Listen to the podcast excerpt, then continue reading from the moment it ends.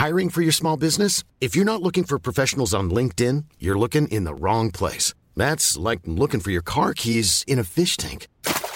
LinkedIn helps you hire professionals you can't find anywhere else, even those who aren't actively searching for a new job but might be open to the perfect role. In a given month, over 70% of LinkedIn users don't even visit other leading job sites. So start looking in the right place. With LinkedIn, you can hire professionals like a professional. Post your free job on linkedin.com slash people today.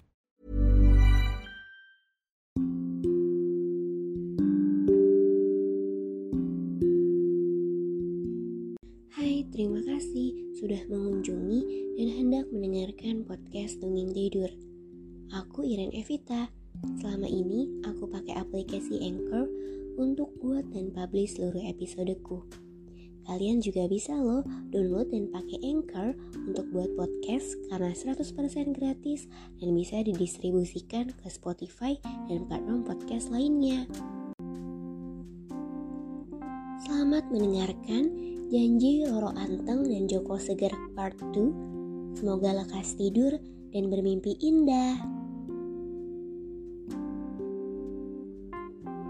Raksasa berwujud seperti badak bernama Kiai Bima yang telah mendengar kecantikan Roro Anteng ingin meminang Roro Anteng seperti yang telah dilakukan seluruh pemuda dari segala penjuru. Saat itu, Roro Anteng sedang menjalin hubungan dengan Joko Seger. Namun, jika Roro Anteng menolak lamaran Kiai Bima, sang raksasa mengancam akan menghancurkan desanya. Roro Anteng pun menemukan ide untuk memberi syarat yang sulit, yaitu membuatkannya danau di atas Gunung Bromo dalam waktu semalam. Roro Anteng tidak menduga bahwa raksasa itu sangat sakti dan bisa melakukannya. Maka, ketika menjelang pagi, Roro Anteng berpikir keras bagaimana cara menghalau kemenangan sang raksasa.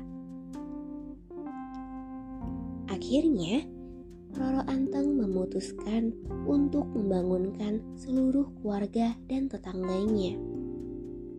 Warga laki-laki diperintahkan untuk membakar jerami, sedangkan warga perempuan diperintahkan untuk menumbuk padi. Tak berapa lama kemudian, cahaya kemerah-merahan pun mulai tampak dari arah timur. Suara lesung terdengar bertalu-talu. Yang kemudian disusul suara ayam jantan berkokok bersahut-sahutan. Mengetahui tanda-tanda datangnya waktu pagi tersebut, Kiai Bima tersentak kaget dan segera menghentikan pekerjaannya membuat danau yang sudah hampir selesai itu. Sungguh sial, rupanya hari sudah pagi. Aku gagal mempersunting Roro Anteng. Ujar raksasa itu dengan kesal, mengingat isi dan persyaratan perjanjian antara dirinya dengan Roro Anteng. Kemudian, saat Kiai Bima meninggalkan puncak Gunung Bromo, tempurung kelapa yang masih dipegangnya segera ia lemparkan dengan kesal. Konon, tempurung kelapa itu jatuh tertelungkup dan menjelma menjadi sebuah gunung yang dinamakan Gunung Batok. Jalan yang dilalui raksasa itu menjadi sebuah sungai dan hingga kini masih terlihat di hutan pasir Gunung Batok. Sementara danau yang gagal dibuat oleh Kiai Bima sekarang dikenal dengan sebutan Segara Wedi atau Lautan Pasir. Tempat itu masih bisa dikunjungi hingga kini di kawasan Gunung Bromo. Saat itu, betapa senangnya hati Roro Anteng dan keluarganya melihat raksasa itu, Kiai Bima, telah pergi. Tak lama dari kejadian waktu itu pun, Roro Anteng akhirnya menikah dengan Joko Seger. Setelah itu, mereka bersama-sama membuka desa baru yang diberi nama Tengger. Nama desa itu merupakan gabungan akhiran nama Anteng dari Roro Anteng dan Seger dari Joko Seger. Nama mereka berdua. Di desa Tengger, mereka pun hidup bersama dengan bahagia. Di bawah kepemimpinan Joko Seger dan Roro Anteng, para penduduk desa Tengger hidup aman dan tentram. Mereka memutuskan untuk menjauhkan desa itu dari pengaruh luar. Namun, suatu hari masalah pun muncul. Setelah sekian lama menikah, Joko Seger dan Roro Anteng belum juga dikaruniai seorang anak. Akhirnya, berkat saran tetua, mereka berdua mencoba bersemedi di puncak Gunung Bromo. Mereka meminta kepada Dewata agar dikaruniai keturunan. Tak lama kemudian, terdengarlah suara gemuruh dan percikan api yang berasal dari dalam kepundan Gunung Bromo. Istriku, dengarlah. Sepertinya Dewata mengabulkan permohonan kita. Terima kasih, oh Dewata yang agung. Kelak, anak bungsuku akan kupersembahkan untukmu sebagai ucapan terima kasihku.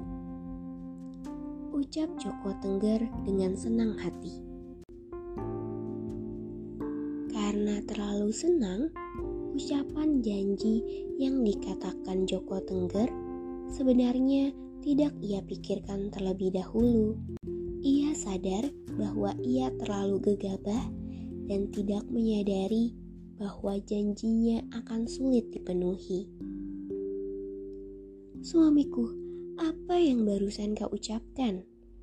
Kita tidak mungkin akan tega mengorbankan anak kandung kita untuk dijadikan persembahan. Marah Roro Anteng.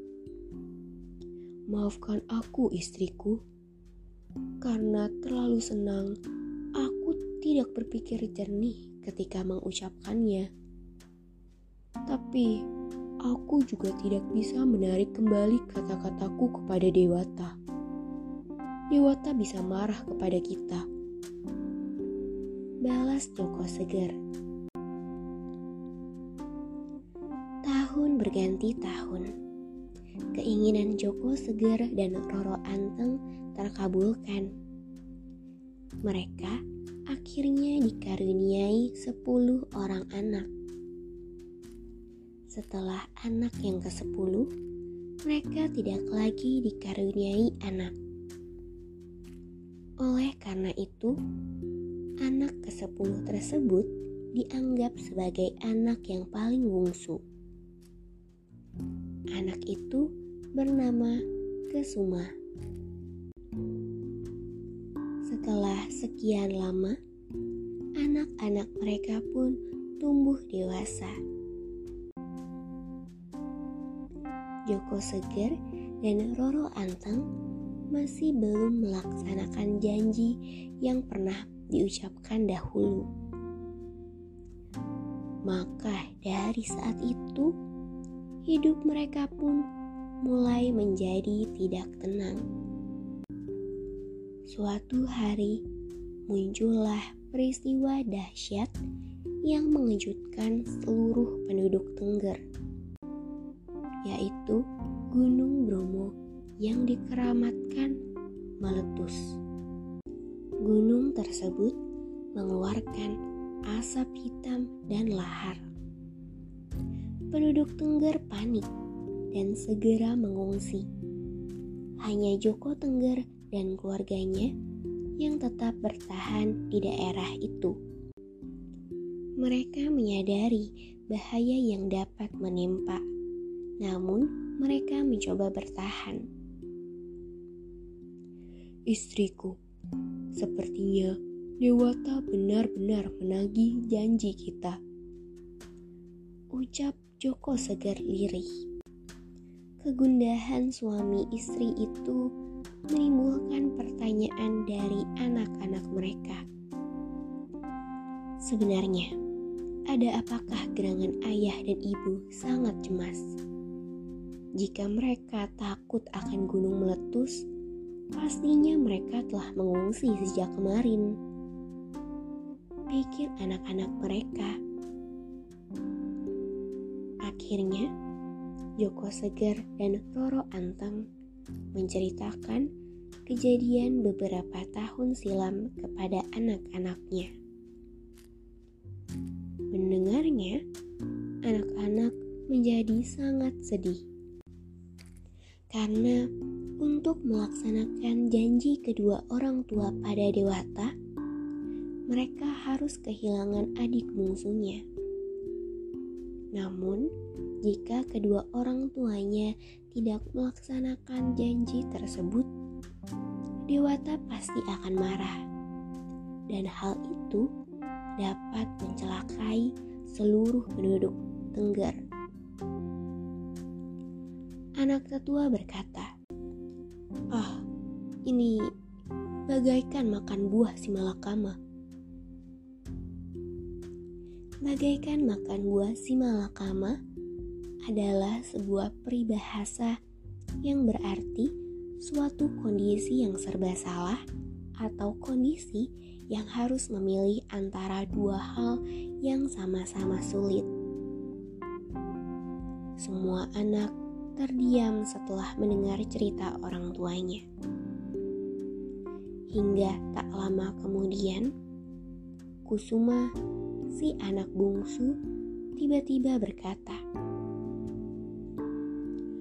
"Ayah, ibu, dan kakak-kakakku tercinta, relakanlah aku pergi.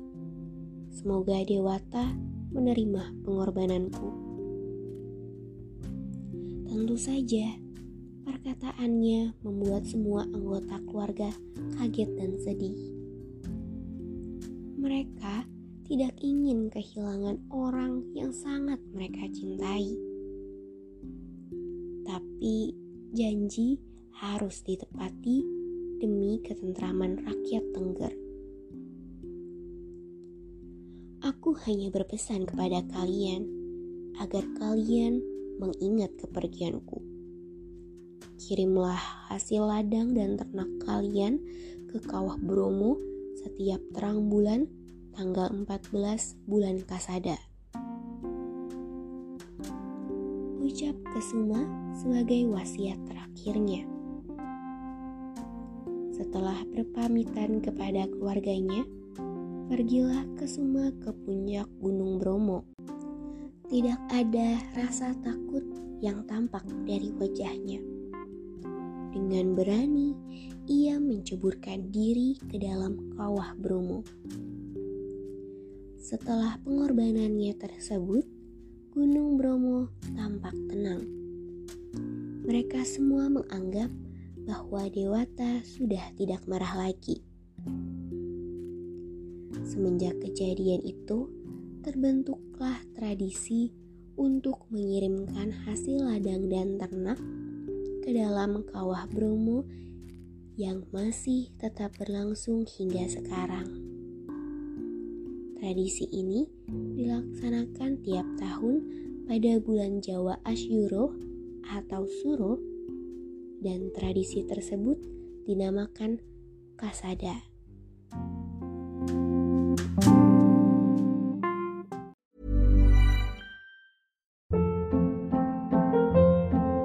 Hold up. What was that? Boring. No flavor. That was as bad as those leftovers you ate all week. Kiki Palmer here, and it's time to say hello to something fresh and guilt-free. Hello Fresh. Jazz up dinner with pecan-crusted chicken or garlic butter shrimp scampi. Now that's music to my mouth. Hello Fresh. Let's get this dinner party started. Discover all the delicious possibilities at hellofresh.com.